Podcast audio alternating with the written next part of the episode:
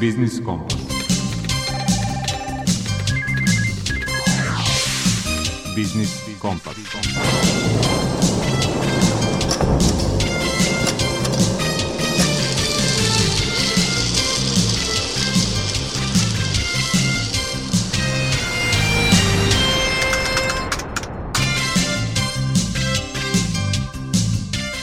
Dobar dan, ja sam Eva Tomović i bit ću sa vama u današnjem Biznis Kompasu. Emisiju počinjemo rubrikom Aktuelno. Koliko je sve poskupelo, postajemo svesni svaki put kada odemo u nabavku, jer za istu količinu novca možemo da kupimo sve manje namirnica. Rast svetskih cena, najviše hrane i energenata još nekoliko meseci će praviti inflatorne pritiske i u našoj zemlji. Očekuje se da će dostići vrhunac u junu i julu – kada bi prema projekcijama Narodne banke Srbije trebalo da bude najviše 10,5%, nakon čega će početi da pada. Rečeno je prilikom predstavljanja majskog izveštaja o inflaciji.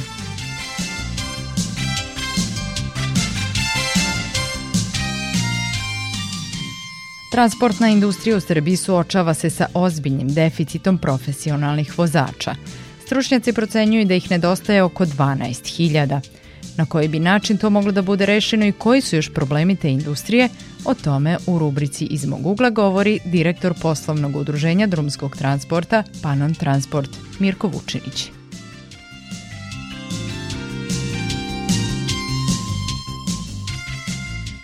U rubrici Svet preduzetništva čućete više o konkursima Pokrajinskog fonda za razvoj poljoprivrede –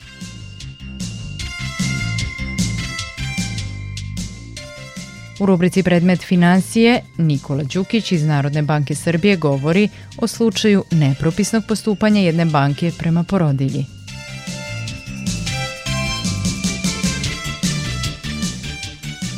u kojim je slučajevima moguće raskinuti ugovor sa operaterima kablovske, fiksne i mobilne telefonije, a da se za to ne plati naknada.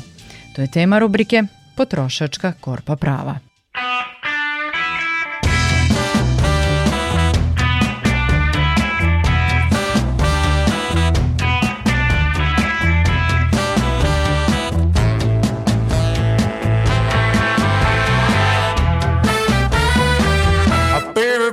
Don't go.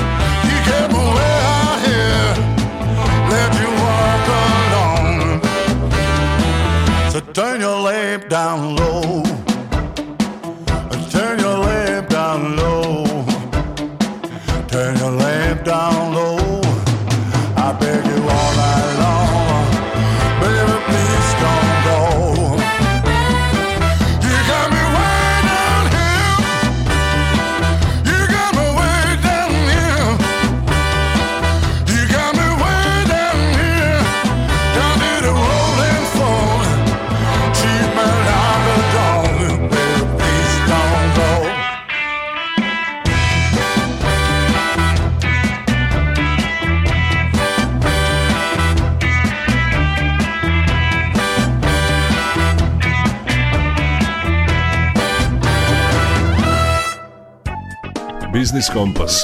Aktualno. Posledice geopolitičke situacije u svetu prelivaju se i na našu zemlju.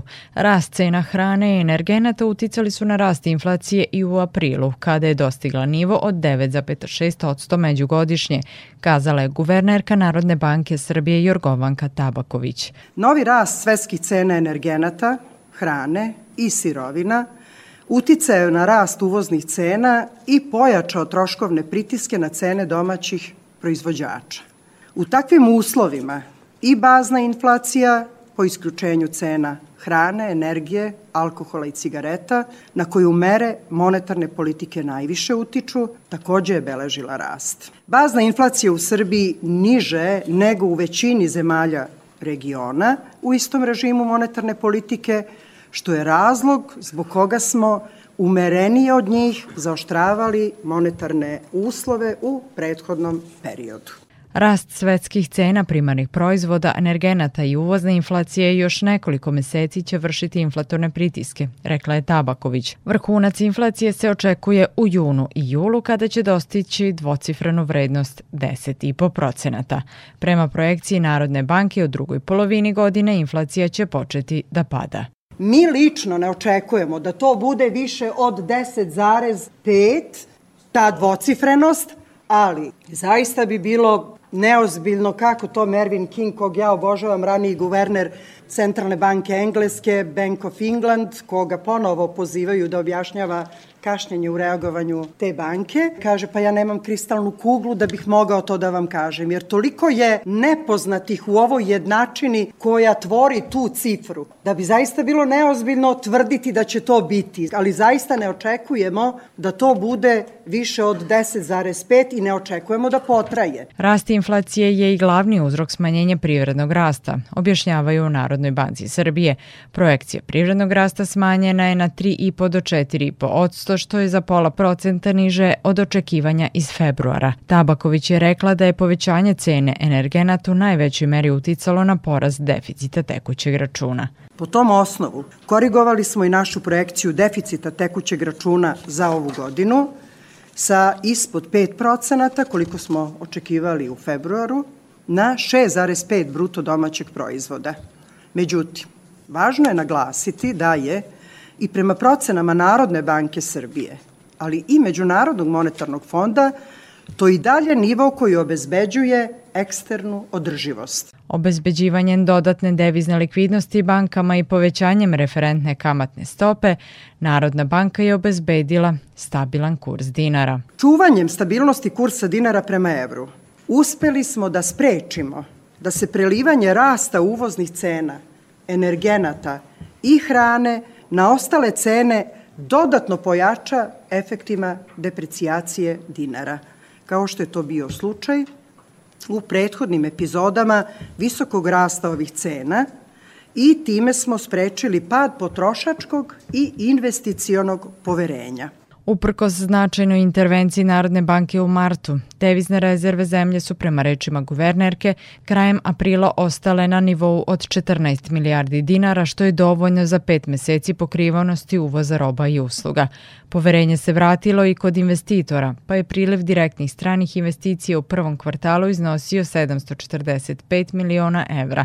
U maju se trend nastavlja pa se očekuje ispunjenje plana od gotovo 3 milijarde evra. Sve to uticalo je na povećanje kreditne aktivnosti. U uslovima negativnih kamata u odnosu na inflaciju postavlja se pitanje da li trošiti novac ili štediti. Guvernerka kaže da se štedi kad imaš, a ne suprotno. 썸네썸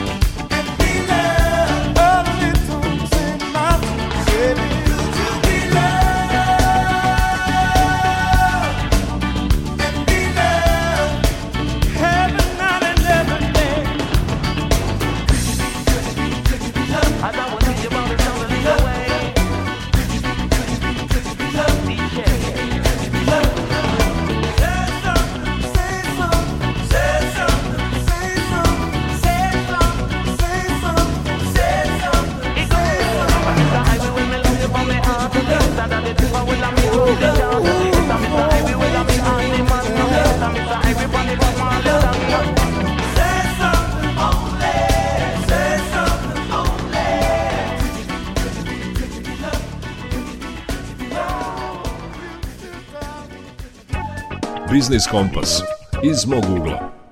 Transportna industrija u Srbiji suočava se sa ozbiljnim deficitom profesionalnih vozača. Stručnjaci procenjuju da ih nedostaje oko 12.000. Veći problem je, međutim, neuređenost autobuskog prevoza putnika, kaže direktor poslovnog udruženja Panon Transport Mirko Vučinić. Ta cifra koliko vozača nedostaje kreće se naravno ovaj, sve u domenu procena, tako. Neki kažu 8, neki 10, neki 12 hiljada, tako dalje. Ali evidentno je da nedostaju vozači. Ovaj, međutim, ja bih ovde ukazao na jedan drugi problem koji možda za posledicu ima samo to što je vidljivo, a to je naravno nedostatak vozača. Pre svega problem u autobuskom prevozu putnika koji je poprilično neregulisan i neuređen.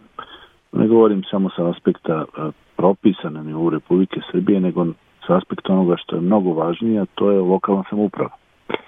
Lokalna samuprava gde se javni gradsko-krivigatski linijski prevoz tretira kao komunalna delatnost, a koji nije ni uređen ni sređen u velikom broju lokalnih samuprava. Pa to onda uzrokuje, znate, da bilo koja delatnost da bi se obavljala i da bi imala određeni kvalitet, ona mora da zadovolji i interese poslodavca i interese zaposlenih, da ima volju i želju da radi tako u toj delatnosti i interese države, naravno državnih davanja, potraživanja, poreza i svega ostalog, ali naravno pre svega da zadovolji interes tržišta, ponude, tražnje, u ovom slučaju zahtev korisnika prevoza i putnika. Kad se sve to sagleda tako sa aspekta ovih vrlo komplikovanih geopolitičkih interesa i nestabilnosti koji su trenutno, onda je jasno da je to što se dešava u drumskom prevozu, nedostatak vozača i te turbulencije, u stvari samo posledica svega toga što se na globalnom nivou ovaj, dešava i gde postoji jedna neravnoteža između ponude, tražnje, zaposlenih i tako dalje. Ako pogledamo i druge pod navodnicima zanate, odnosno druge delatnosti, takođe možemo videti da je prisutan nedostatak e, radne snage. Kad kažemo radne snage, mislim i fizički e, broj, a pogotovo stručno. Ono što je specifičnost prevoza putnika, to je da potreba, odnosno potreba koja nastaje u realnom vremenu ne može da bude odložena. Vi možete da dogovorite sa parketarom da dođe da postavi parket za mesec, dva ili tri, tako. Kod vozača to nije slučaj. U datom momentu kad imamo potrebu za prevozom, tada nam trebaju vozači. E, naravno, ta regulativa koja nas je do sada u nekom delu sprečavala u smislu starostnih granica i još nekih drugih zakonskih preduslova biće promenjena. Uveravanje iz Ministarstva unutrašnjih poslova i iz Ministarstva građevinarstva saobraćaja infrastrukture da će nova regulativa koju izradi biti, biti upodobljena tome, naravno, ni poštano uštre bezbednosti saobraćaja, a motivacija ljudi koji sebe vide u tom poslu svakako će biti dalje na teret i poslodavaca i njihovih zarada i tako dalje i tako dalje. Znači da se motivišu ljudi da pristupe toj profesiji i da ostanu u njoj. U prevozu putnika po mom saznanju zarade se kreću od tih recimo 65-70 hiljada pa negde do 120 hiljada dinara, zavisno naravno od, od firme, od dela, od dela naše države i, i dela u kome radi, ali da li je javno preduzeće, da li je privatno i tako dalje, moram da kažem da su zarade u prevozu putnika čini mi se nešto veće u privatnom nego u javnom sektoru, a u, u prevozu tereta, jel, znači kada su u pitanju kamioni, odnosno vučna, priključna i skupovi vozila, tu su zarade svakako nešto veće, naročito ako se radi o međunarodnom javnom prevozu robe. Tako da tu, tu zarade ovaj, idu i hiljadu i po evra, možda čak i više, ali je tu posao dosta komplikovaniji, složeniji, veći je zahtev za angažovanje, u smislu veći je vremenski period potreban, naravno uz tradicionalno dugo čekanje na granicama vozača kamiona i tako dalje i tako dalje. Tako da zarade nisu male, pretpostavljam da su one nedovoljne za uslove i za ono što je što se očekuje i sigurno da su manje nego u, u zemljama za, takozvane zapadne Evrope. Tako kad kažemo Evropska unija to bi bilo pogrešno jer Evropska uniju spadaju i neke zemlje gde te zarade nisu bitno veće ili možda nisu uopšte veće kao što je ne znam Bugarska i tako dalje.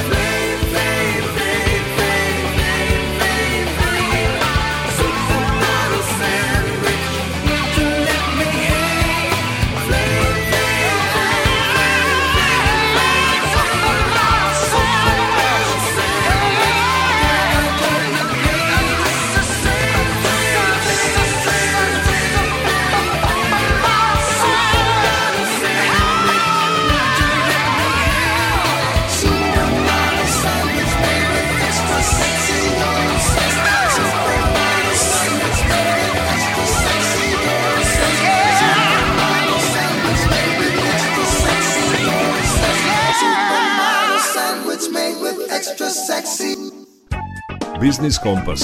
Svet preduzetništva. U rubrici Svet preduzetništva predstavljamo aktualne konkurse namenjene poljoprivrednicima. Naime, Pokrajinski fond za razvoj poljoprivrede objavio je 11 javnih poziva na koje mogu da konkurišu registrovana poljoprivredna gazdinstva. O tome Marija Prokopić iz Regionalne razvojne agencije Bačka. Konkursi su objavljeni 30. aprila i do kraja maja, odnosno do 31. maja, a, svi zainteresovani mogu konkurisati. A, o kojoj vrsti podrške reč, znači to su konkursi za dodelu kredita za nabavku nove poljoprivredne mehanizacije, pogonske i priključne, zatim konkurs za dodelu kredita za nabavku novih sistema i opreme za navodnjavanje i bušenje bunara, konkurs za dodelu kredita za nabavku opreme za stočarske farme, zatim za nabavku pčelinjih rojeva, košnica i opreme za pčelarstvo, zatim konkurs za dodelu kredita za nabavku novih zaštićenih bašta, tu se misli na plastenike i staklenike, kao i opreme u njima, zatim konkurs za dodelu kredita za finansiranje investicija u fizička sredstva poljoprivrednih gazdinstva u sektoru prerade voća, grožđa i povrća, zatim za nabavku novih sistema protiv gradnih mreža u višegodišnjim zasadima voća i vinograda, a zatim za izgradnju objekata i nabavku opreme namenjenih skladištenju žitarica, voća i površća, zatim konkurs za dodelu kredita za nabavku kvalitetne teladi i prasadi za to, a, konkurs za dodelu kredita za nabavku kvalitetnih priplodnih grla u govedarstvu, ovčarstvu, kozarstvu i svinjarstvu, kao i konkurs za dodelu kredita za kupovinu poljoprivrednog zemljišta i to do 5 hektara. Ono što je bitno, znači sva potrebna dokumentacija kao i tekst konkursa mogu se naći na sajtu Pokrajinskog fonda za razvoj poljoprivrede. Isto tako možete se informisati i putem telefona 021 551 451 ili 021 557 452. Inače, ovaj fond se nalazi na adresi Bulevar Mihajla Pupina 16 u Novom Sadu, tako da možete i lično doći.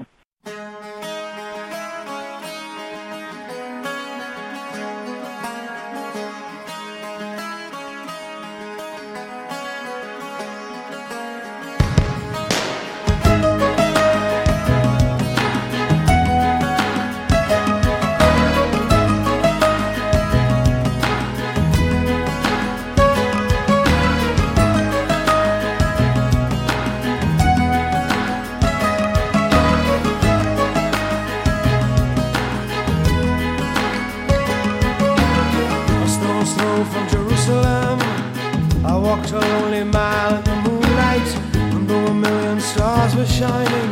My heart was lost on a distant planet that whirls around the April moon, whirling in an arc of sadness. I'm lost without you. I'm lost without you. All my kingdoms turn to sand and fall into the sea.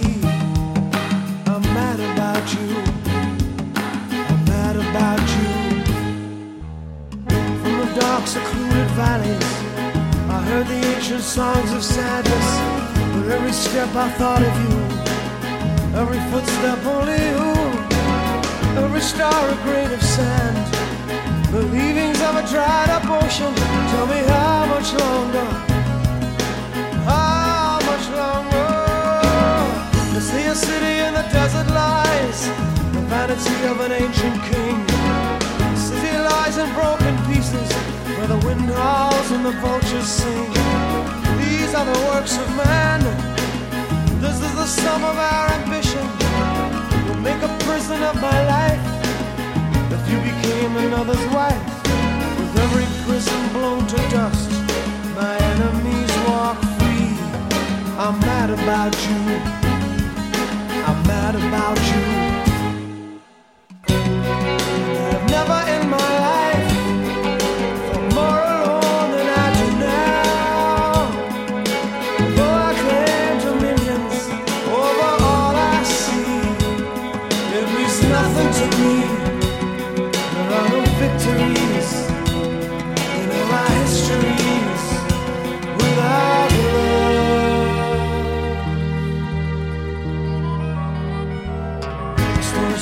Jerusalem. I walked a lonely mile in the moonlight. One million stars were shining. My heart was lost on a distant planet. The world's around the April moon, whirling in an arc of sadness. I'm lost without you. I'm lost without you.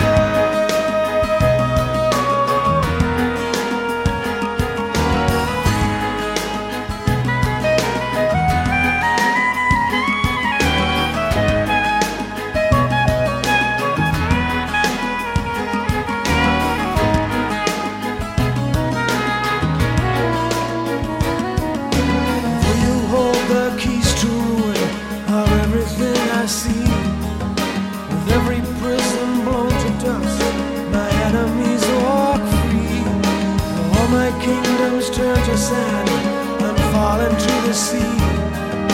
I'm mad about you. I'm mad about you. Biznis Kompas. Predmet financije. U narednim minutima čućete o postupcima određenih banaka prema svojim korisnicima, a koje su suprotna propisima. Naime, desilo se da klijentkinje jedne banke nije mogla da podnese zahtev za dozvoljeno prekoračenje za vreme porodijskog odsustva, što predstavlja diskriminaciju trudnica i porodilja. O tome govori Nikola Đukić iz Narodne banke Srbije. Naime, tom prilikom postupajući po toj pritužbi, Narodna banka Srbije je utvrdila da banka onemogućava porodilji podnošenje zahteva za produženje dozvoljenog minusa, odnosno dozvoljenog prekoračenja po računu, zbog toga što tokom porodijskog odsustva prima naknadu zarade, a kreditna politika banke i aplikacije za podnošenje kreditnih zahteva predviđaju samo zaradu, dakle ne porodijsku naknadu, nego zaradu, i penziju kao redovne prilive koji omogućavaju podnošenje takvih zahteva. Narodna banka Srbije je tako postupanje banke ocenila kao diskriminatorno. Dakle, iako banke slobodno odlučuju o izboru klijenata i imaju pravo i obavezu da upravljaju kreditnim i drugim rizicima kojima su izložene u svom poslovanju, i ne postoji garantovano pravo korisnika na bilo koju uslugu banke osim prava na osnovni platni račun. U ovom slučaju je utvrđeno da je takvo postupanje banke nedozvoljeno sa aspekta prava korisnika finansijskih usluga na zaštitu diskriminacije, jer je ovoj porodilji bilo nemogućeno da se njen kreditni zahtjev uopšte razmatra, odnosno da se utvrđuje njena kreditna sposobnost zbog toga što kao porodilje ne prima zaradu nego naknadu zarade. Banka je ovoj porodilji koja je do tada bila kreditno sposobna oduzela čak i mogućnost da se ta sposobnost ponovo proveri, iako je očigledno da kreditni rizik od porodilje ne može biti viši u odnosu na situaciju kada ista korisnica prima zaradu i nije na porodiljskom odsustvu, dok korisnica tokom trajanja ugovora o dozvoljenom minusu možda ostane bez posla da bi se zarada umanji. Korisnica koja je na porodiljskom odsustvu ima unapred poznat garantovani prihod tokom trajanja tog odsustva, jer naknadu zarade za to vreme garantuje Republika Srbija i to u punom iznosu prosečne zarade ove porodilje u posljednjih 18 meseci.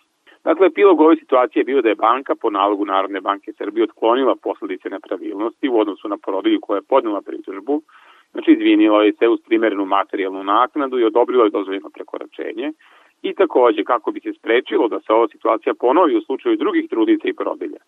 Narodna banka Srbije je banci naložila da preispita, odnosno promeni svoja kreditna pravila i aplikativne rešenja koje ne omogućavaju podnošenje zahteva za kreditne proizvode i njihovo odobravanje onim korisnicama koje primaju naknadu na, na, za porodijsko osustvo ili osustvo s rada radi održavanja trudnoće. Dakle, banci je naloženo da promeni ova pravila.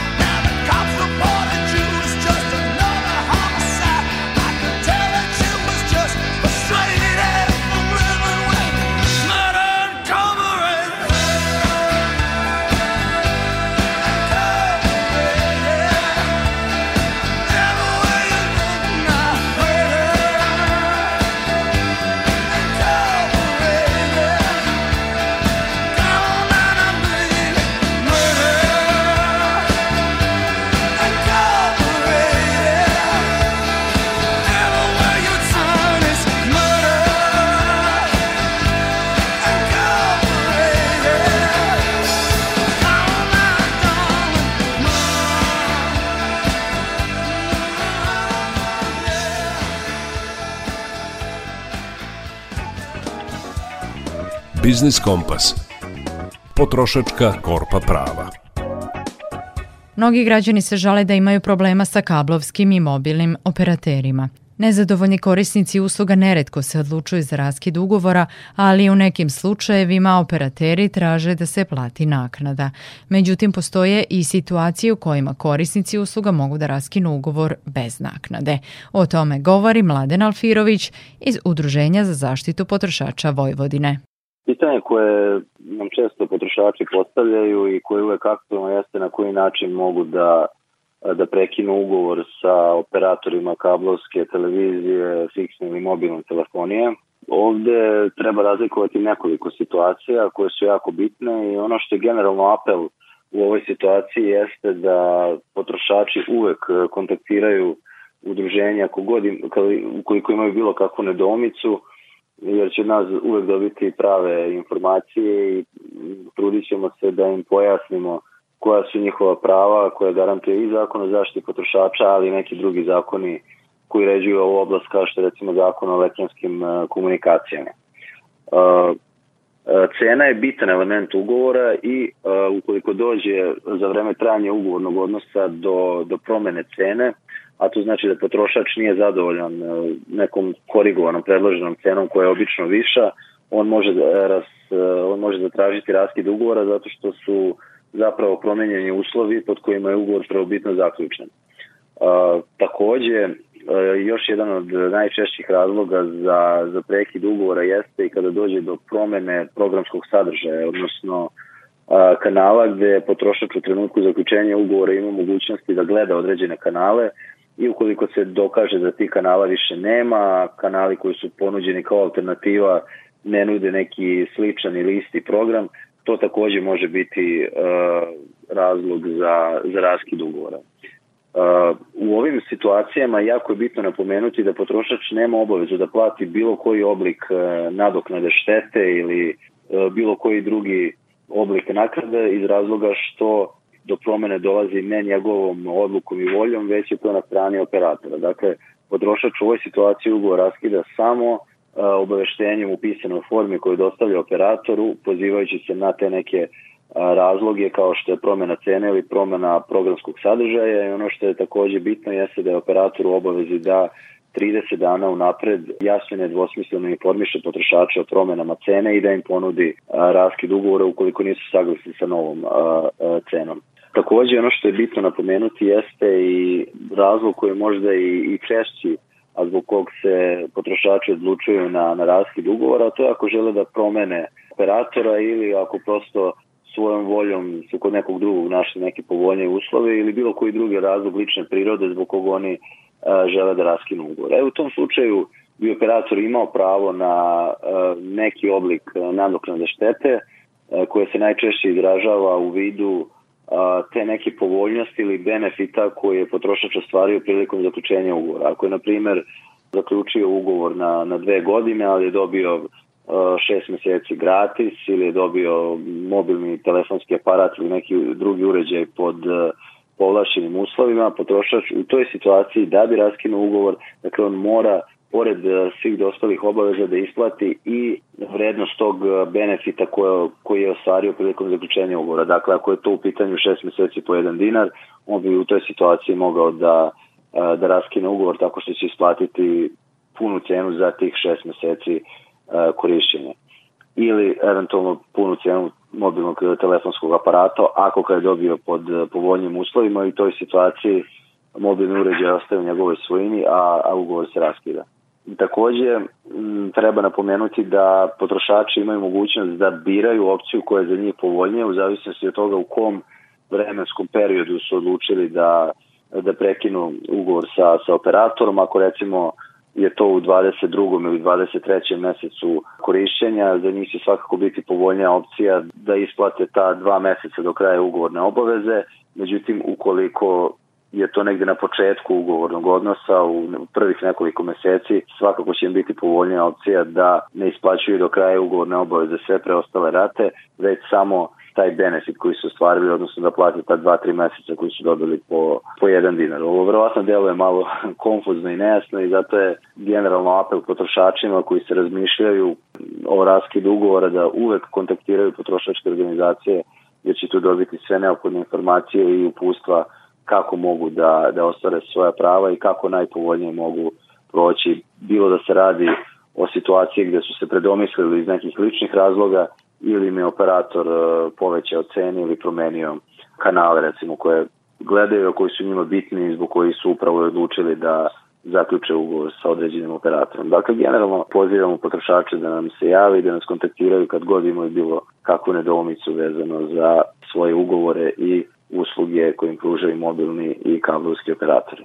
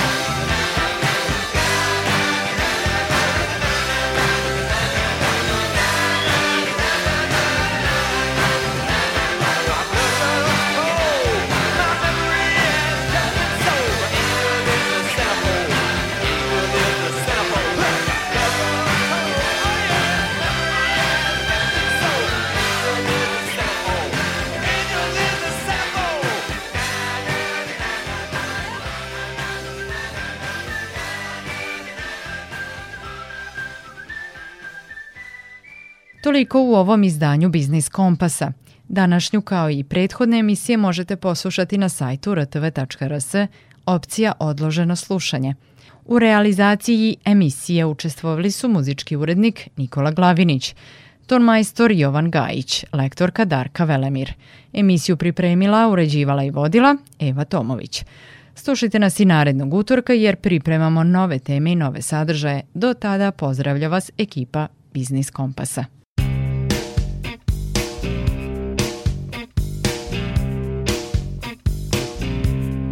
Mustang Sally. Guess you better slow that Mustang